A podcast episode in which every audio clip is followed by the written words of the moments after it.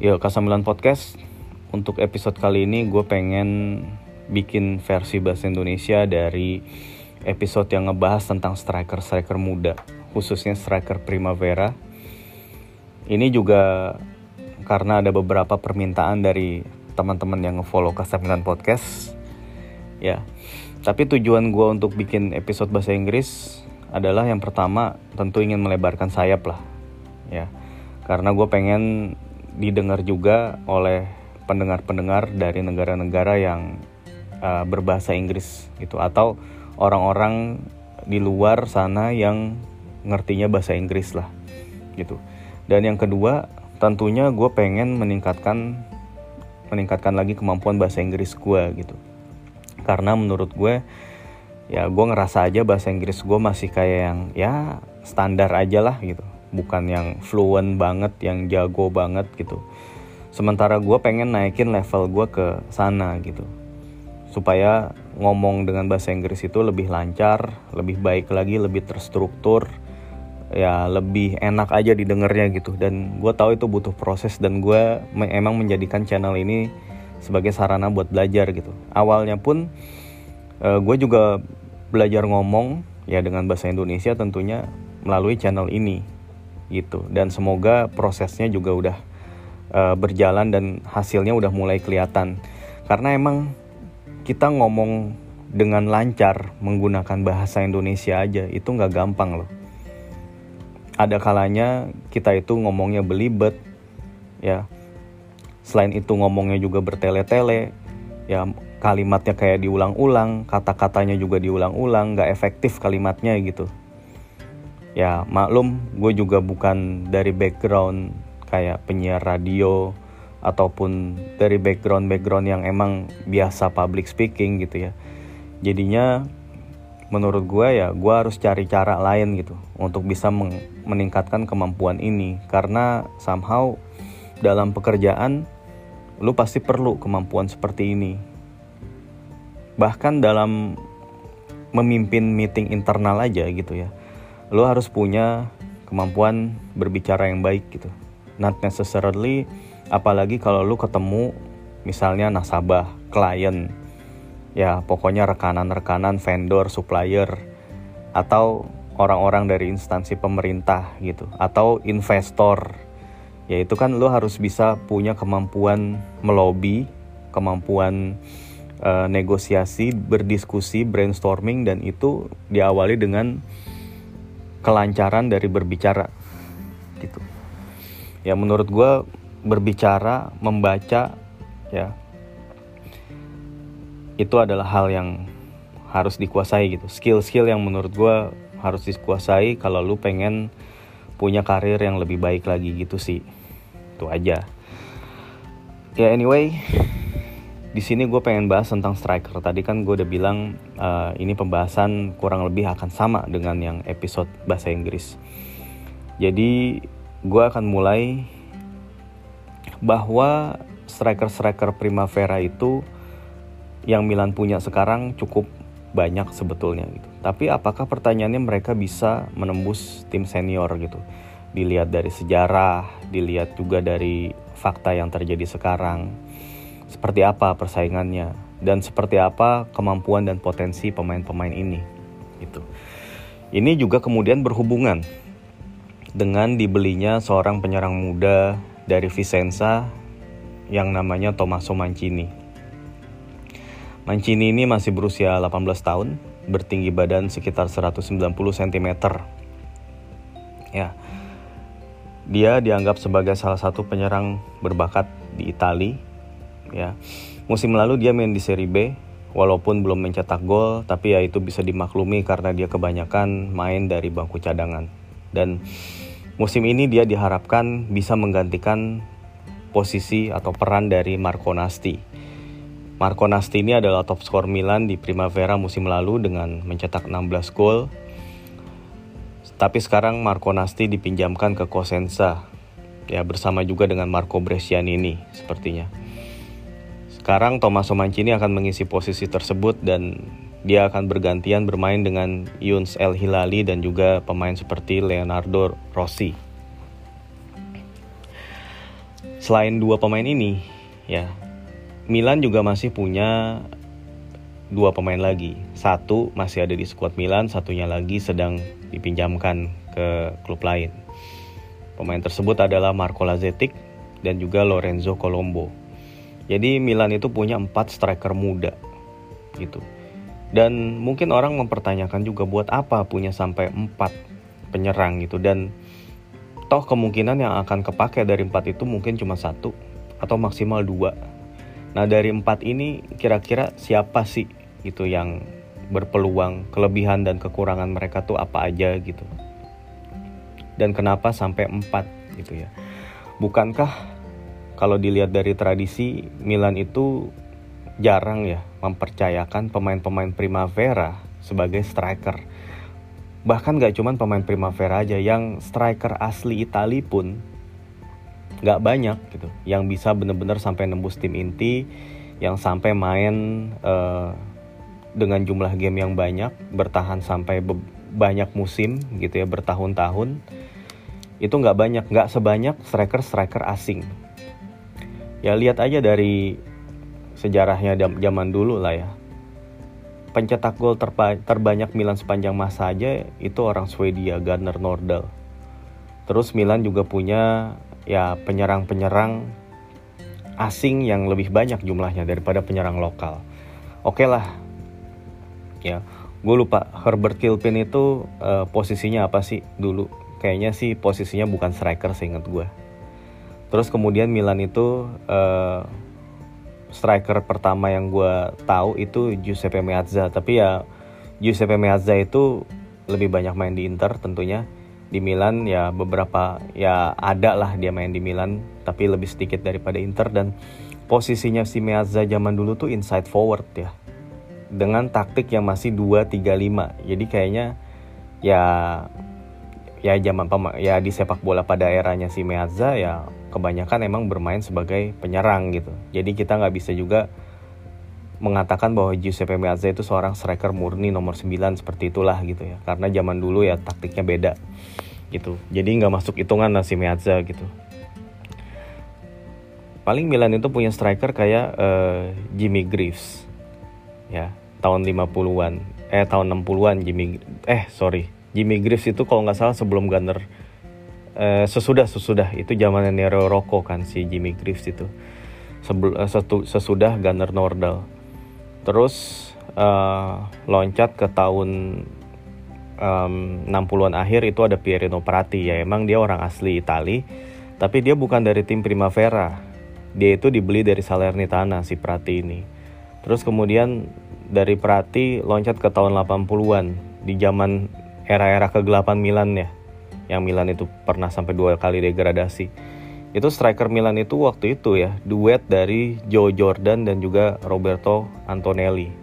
Roberto Antonelli itu bapaknya Luca Antonelli mantan pemain Milan juga. Joe Jordan itu penyerang asal Skotlandia yang waktu itu pernah ribut sama Gattuso waktu si Joe Jordan itu masih jadi asisten asisten si Harry Redknapp ya yang waktu Milan sama Tottenham uh, ketemu Terus abis si Joe Jordan Luka Anto apa si kok Luka Joe Jordan Roberto Antonelli itu Milan sempat beli pemain penyerang Inggris uh, Luther Blissett gitu yang banyak yang menduga ah, ini kayaknya Milan mau beli John Barnes nih. Tapi kemudian manajemen mengelak enggak emang Milan tuh pengen beli striker bukan beli John Barnes. Jadi emang bener Luther Blissett itu yang dimaksud tapi Luther Blissett itu cuma nyetak sedikit gol buat Milan terus oh ya mundur lagi gue sempat ya ada Jose Altavini itu juga orang Brazil kan Altavini itu. Eh Brazil apa Uruguay ya? Pokoknya orang Amerika Latin lah gitu. Terus um, siapa lagi ya? Milan itu kemudian pernah diperkuat ya mungkin ini gue nggak sebutin semua gitu ya. Ini yang gue sebutin yang yang masih nyangkut di kepala gue aja gitu ya Terus abis eranya si Antonelli ya masuk ke eranya Mark Hatley. Ya, Mark Hatley kan orang Inggris ya. Terus kemudian baru abis Hatley itu ke eranya Pietro Paulo Virdis ya. Via Virdis sama Hatley main bareng sih, cuman Virdis bertahan lebih lama aja. Ya. Virdis itu orang Italia tapi dia itu dibeli Milan dari Udinese dan sebelum di Udinese Virdis juga main di Juventus dan beberapa klub lain. Terus abis era itu baru masuk Van Basten ya. Van Basten, uh, Ruud Gullit juga dijadiin striker di depan. Striker lokal lainnya itu Stefano Borgonovo almarhum ya. Itu sebelumnya dia main di Fiorentina, bukan asli Milan. Ya.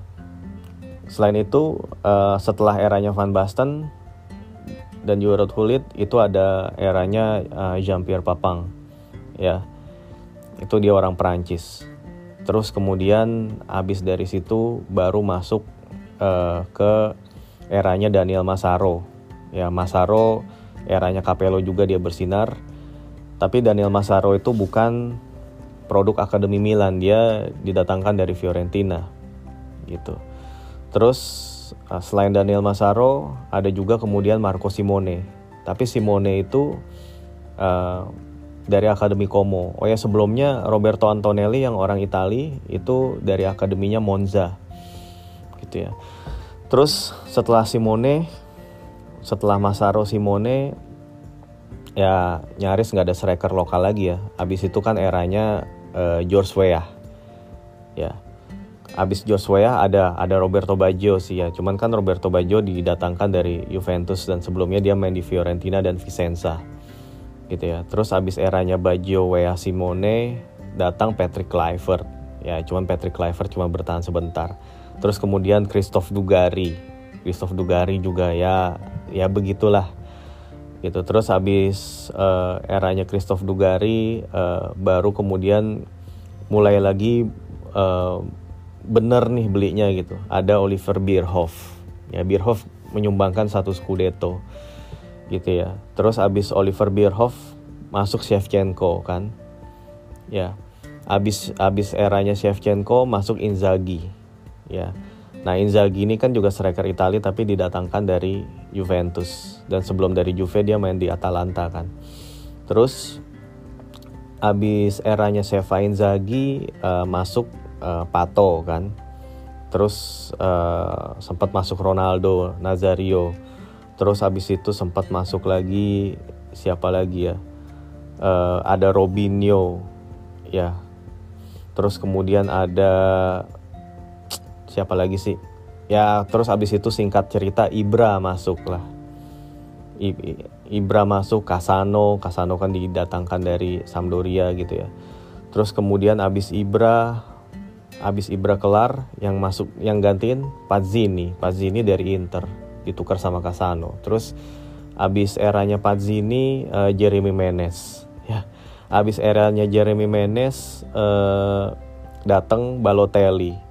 Ya Balotelli juga bukan dari produk Akademi Milan. Terus abis Balotelli El Sharawi. El Sharawi pun bukan striker utama kan? Balotelli sama El Sharawi bareng-bareng duluan El Sharawi sih sebetulnya.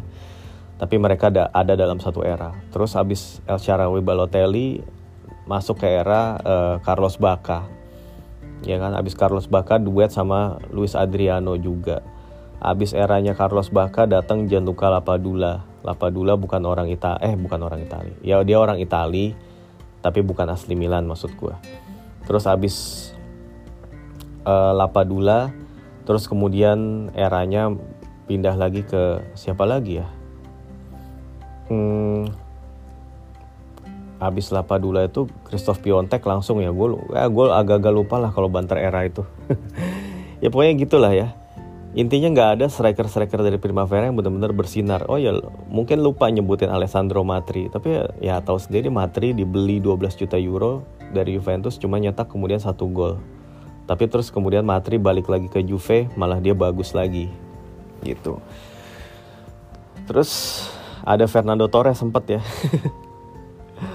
terus ada masuk oh, eranya oh iya eranya Gonzalo Higuain abis abis Carlos Baca tuh Gonzalo Higuain terus ke sini sini Christoph Piontek ya abis Christoph Piontek baru masuk lagi Ibra gitu ya. Baru abis abis abis Ibra baru sekarang Olivier Giroud dan Divock Origi gitu. Oh ya sempat ada uh, Gianni Comandini ya itu waktu tahun-tahun 2000-an awal juga tapi dia cuman nyetak dua gol dan dua golnya itu ke gawang Inter. Habis itu dia nggak pernah nyetak gol lagi hilang udah. Gitu. Ya jadi bisa dilihat dari sejarahnya secara tradisi tuh Milan jarang ya. Cukup jarang mempercayakan striker itu kepada talenta-talenta lokal. Gitu. Apalagi tim dari Primavera. Yang paling mendekati dan, dan pemain Primavera yang paling bagus mainnya sebagai striker Milan itu Patrick Cutrone ya Cutrone itu musim 2015-16 main di Primavera B. Ya dia nyetak banyak gol juga dan kemudian musim 16-17 dia main di Primavera A nyetak 19 gol. Ya Terus abis itu ya Cutrone juga sebetulnya udah bersinar di semua kelompok umur Milan dan akhirnya kemudian musim 17-18 dia dipromosikan ke tim inti, ke tim senior di bawah pelatih Vincenzo Montella waktu itu. Dan Cutrone itu kemudian bisa bertahan dua atau tiga musim lah gue agak-agak lupa. Secara total Cutrone itu nyetak 27 gol dari 90 pertandingan yang dijalanin. Sebenarnya lumayan banyak itu lumayan banyak hampir 100 game buat striker Primavera itu menurut gue itu udah luar biasa ya udah achievement yang sampai sekarang tuh sulit ditemuin gitu dan sulit diulang ya bisa nyetak hampir 30 gol main hampir 100 pertandingan gitu ya kemudian sayangnya Kutrone dijual ke Wolverhampton Wolves 12 juta euro nilainya gitu ya tapi ya, kemudian setelah eranya Patrick Cutrone ya belum ada lagi gitu. Sebenarnya sebelum eranya Cutrone gitu ya tahun-tahun 2014 15 gitu. Itu sempat beredar nama-nama kayak Davide Di Molveta, uh, uh, kemudian Giacomo Beretta, terus uh, Gian Mario Comi, uh, Gian Marco Zigoni, terus uh, Frank Sajut, ya, terus banyak lah lu mungkin bisa nyebutin beberapa nama lagi cuman semua di antara mereka itu tidak ada yang kemudian bisa menembus tim inti. Bahkan even ya di tahun 2000-an itu ada nama Pierre Aubameyang. Ya kita tahu siapa dia. Itu. Cuman dari tim-tim Primavera ini tidak ada yang bisa menembus tim inti karena memang mungkin ekspektasi manajemen itu terlalu tinggi terhadap striker. Jadi uh, striker-striker tuh bener-bener kayak dituntut untuk lo bisa langsung memberikan kontribusi gitu. Oh iya, gue gua melewatkan satu nama Alberto Paloschi. Sempat Alberto Paloschi itu tahun 2005 apa 2006 tuh. Dia di pertandingan debutnya itu langsung nyetak gol ke gawang Udinese. Tapi habis itu ya dia ngilang juga gitu. Si Alberto Paloschi ini. Gitu ya. Terus uh, makin ke sini ya tentunya ya makin jarang gitu ya striker. Milan itu bisa bisa memproduksi uh, back-back berkualitas dunia dari zaman dulu, dari zaman uh, Paolo Maldini, Franco Baresi, Billy Costa Curta gitu ya. Terus ya di tengah di tengah ya Milan juga ada pemain seperti Albertini dan juga Ambrosini gitu ya. Tapi untuk di depan gitu jarang banget ada striker yang kemudian bisa melegenda gitu ya kiper Milan punya Abiati juga, punya Gigio Donnarumma juga gitu. Tapi kalau untuk striker agak sulit emang. Kalau dari dilihat dari tradisi sejarah aja itu jarang striker yang bisa tembus ke tim utama. Karena ya mungkin ya striker itu yang diukur ya cuman gol. Artinya kalau kalau lu seret gol ya udah kayak lu dianggap gagal aja sebagai striker gitu. Dan buat pemain-pemain muda ini tentunya pressure yang berat gitu tekanan yang cukup berat untuk bisa jadi striker di klub seperti Milan yang terbiasa gitu ya menggunakan striker-striker asing dan Berlusconi pun juga banyak spend duit dia gitu ya untuk ngebeli striker-striker asing yang nilainya mahal gitu. Jean-Pierre Papang waktu itu mahal banget dibeli gitu ya. Ruth Gullit waktu itu mahal banget dibeli. Van Basten waktu itu murah dibelinya. George Weah mahal. Oliver Bierhoff mahal. Sheva mahal. Terus kemudian uh, Ibrahimovic juga mahal. Eh Ibrahimovic dulu juga nggak ada nggak terlalu mahal. Galiani bisa ngebeli Ibra. Ibra itu waktu itu cuma 18 juta euro kalau nggak salah. Gitu ya. Carlos Bacca aja mahal 30 juta waktu itu. ya udah terakhir terakhir striker mahal habis Carlos Bacca ya Christoph Piontek 30 36 apa 37 gitu. Udah gitu. Ya terus kemudian ya terakhir ya Shar, uh, Ketlar ya. Kalau lu mau mengkategorikan dia sebagai striker tapi ya dia bukan uh, pemain uh, dengan posisi yang fix ya kalau di Deketlar itu. Nggak masuk hitungan juga. Tapi sekarang anyway itu Milan sampai punya empat striker muda yang mereka masih ya berada dalam genggaman Milan lah dalam kontrak Milan ya tadi yang gue sebutin Nasti, uh, Mancini, Lazetic dan Colombo di antara empat itu gimana gitu ya ya mungkin diolah satu-satu dari karakter dan gaya permainan. Marco Nasti ini seorang poacher. Ya, dia bukan striker yang punya teknik tinggi, punya physical presence yang kuat, tapi dia punya naluri gol yang tinggi. Dia bisa nyari posisi, ya dia bisa nyetak nyetak gol uh, dengan finishing finishing yang bagus itu khasnya poacher banget lah. Sedikit mengingatkan kepada gayanya Pippo Inzaghi dan juga Patrick Cutrone sebelumnya, gitu ya. Terus ada tadi Thomas Mancini yaitu seorang striker yang tinggi ya.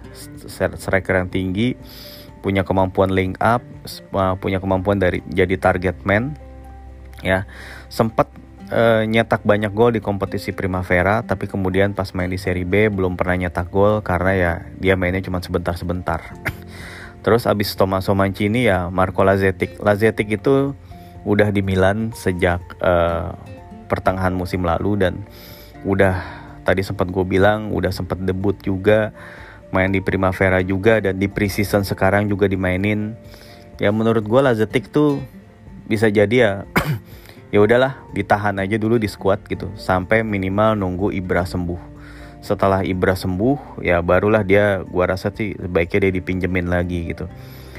Karena bahaya juga kalau ngelepas Lazetik sekarang ya mengingat ya Origi juga masih belum fully fit gitu ya. Ngandelin Olivier Giroud terus juga kayaknya nggak mungkin. Dia udah mau umur 36 tahun juga gitu terus Ante Rebic sebagai striker menurut gue juga ya lebih baik Rebic itu sebagai sayap kiri gitu. Jadi menurut gue Lazetik tetap dipertahankan aja gitu. Dan dia punya punya peluang lah. Dia punya bakat sih Lazetik itu. Punya ketajaman punya physical presence. Tinggal bagaimana dia lebih uh, meningkatkan understanding dia terhadap taktiknya Pioli aja gitu. Cara dia bergerak uh, bagaimana cara dia ngepres terus cara dia menemukan temennya sendiri gitu melakukan link up dan lain-lain itu yang perlu diimprove sama dia gitu. Terus kalau si Lorenzo Colombo nah Colombo ini sebetulnya udah cukup ya beberapa kali dia main di tim senior. Dia um, bahkan udah nyetak gol ke gawang Bude Glimt waktu itu. Terus dia nyetak gol yang bagus ke gawang Monza waktu preseason beberapa musim lalu dia juga main di uh, kualifikasi Europa League ya ketika itu dia yang tadi ngegolin lawan Bude Glimt dan satu lagi dia juga main pas lawan Rio Ave cuman sayang dia tendangan penaltinya melambung gitu ya dan itu terakhir Colombo itu main di Milan setelah itu dia dikirim ke Spal dan Cremonese ya menurut gue Colombo punya potensi juga ya. Ini juga anak dari salah satu legend Milan Angelo Colombo ya, yang gelandang yang di zamannya Saki. Colombo ini punya teknik yang bagus, punya tendangan kaki kiri yang bagus. Ya sekilas kalau emang dia bisa main bagus terus, bisa gayanya bisa kayak Christian Vieri ya. Walaupun tinggi badannya tuh nggak yang tinggi tinggi banget gitu, cuman dia uh, shouldernya tuh ini banget lah lebar gitu, bahunya lebar sehingga dia jadi kelihatan tinggi. Dan dia punya tendangan kaki kiri yang keras yang bagus gitu ya. Cuman yang perlu ditingkatin dari dia adalah positioning, visi bermain gitu ya, uh, kemampuan untuk ya lebih ke taktikal sebenarnya yang perlu diimprove oleh si Colombo. Karena dari skill, dari technical dia udah cukup ya cukup kuat basicnya dia gitu. Ya, terus um, ya berarti siapa nih di antara empat ini gitu ya menurut gue kalau sekarang kita belum tahu jawabannya ya karena pemain ini masih muda dan masih bisa berkembang ya dan kemudian uh, ya gue rasa pemain ini juga perlu dipinjemin keluar keluar klub dulu untuk nambah pengalaman gitu ya karena Milan itu striker strikernya sekarang oh si Origi 27 tahun ya dia masih bisa lah main 4 sampai 5 tahun lagi di highest level. Terus ada Olivier Giroud dan Ibra yang udah pada senior-senior banget gitu. Ibra 41, Olivier Giroud 36 tahun ini. Tentu kita nggak bisa expect dua pemain ini akan masih di Milan sekitar 3-4 musim lagi gitu. Jadi ya striker-striker muda inilah yang akan harusnya meneruskan mereka gitu. Apalagi dengan Milan yang sekarang lebih banyak uh, mengandalkan pemain muda. Tentunya ini bisa jadi kesempatan. Ini bisa jadi sesuatu yang berbeda ya. Dan gua rasa sih Milan ya empat pemain ini harusnya ya dikasih kesempatan lebih lah gitu. Ketimbang misalnya Milan waktu itu ya ada yang ada juga yang berpendapat harusnya Kutrone dikasih kesempatan terus gitu. Karena dia berpotensi dan uh, sayang sekarang karirnya itu ya kurang oke. Okay. dia dia main di Wolves jarang nyetak gol. Di Fiorentina juga dia jarang nyetak gol gitu ya tapi ya ya nggak tahu juga sih ya kalau seandainya waktu itu Kut Kutrone tetap stay apa apakah kemampuannya tuh bisa naik atau dia emang udah mentok aja gitu. Ya udah anyway udah lewat juga gitu ya. Oh ya oh ya ngomong-ngomong Kutrone gue jadi juga juga jadi sempat melupakan Andre Silva nih striker pada saat yang eranya Yong Hong Lee. Shout out to Andre Silva. Ya dia uh, setelah di Milan dia bagus di Eintracht Frankfurt ternyata. Dan sekarang dia main di Leipzig ya. Itulah. Oke, okay, uh, eh, gua rasa ini aja pembahasan gue yang di apa namanya yang sebetulnya mengulang dari episode bahasa Inggris. Dan ke depannya mungkin gue akan uh, cukup imbang sih. Gue pengen lebih banyak lagi bikin episode-episode berbahasa Inggris gitu. Jadi kalau misalnya nantinya ada episode-episode berbahasa Inggris yang teman-teman itu pengen request bikin dong bahasa Indonesianya untuk episode kali ini ya tinggal bilang aja gitu terus kemudian gue akan mencoba bikin versi bahasa Indonesianya gitu tapi otherwise gue akan akan ya lebih banyak lagi lah uh, edisi berbahasa Inggris karena ya tujuannya yang tadi gue bilang pengen melebarkan sayap dan pengen meningkatkan kemampuan berbahasa Inggris gitu. Karena kalau mau belajar bisa dari dari apa kita bisa belajar pakai cara apa aja lah gitu ya. Nggak mesti yang formal nggak mesti yang ikut lembaga pendidikan formal atau les atau kursus gimana. Kita bisa praktek langsung di medium-medium kayak gini gitu. Kadang-kadang itu bisa lebih efektif anyway ya udah uh, gua rasa ini aja mau gua sampein dalam episode kali ini. Makasih udah dengerin Kasamilan Podcast dan sampai jumpa lagi dalam episode selanjutnya. Ciao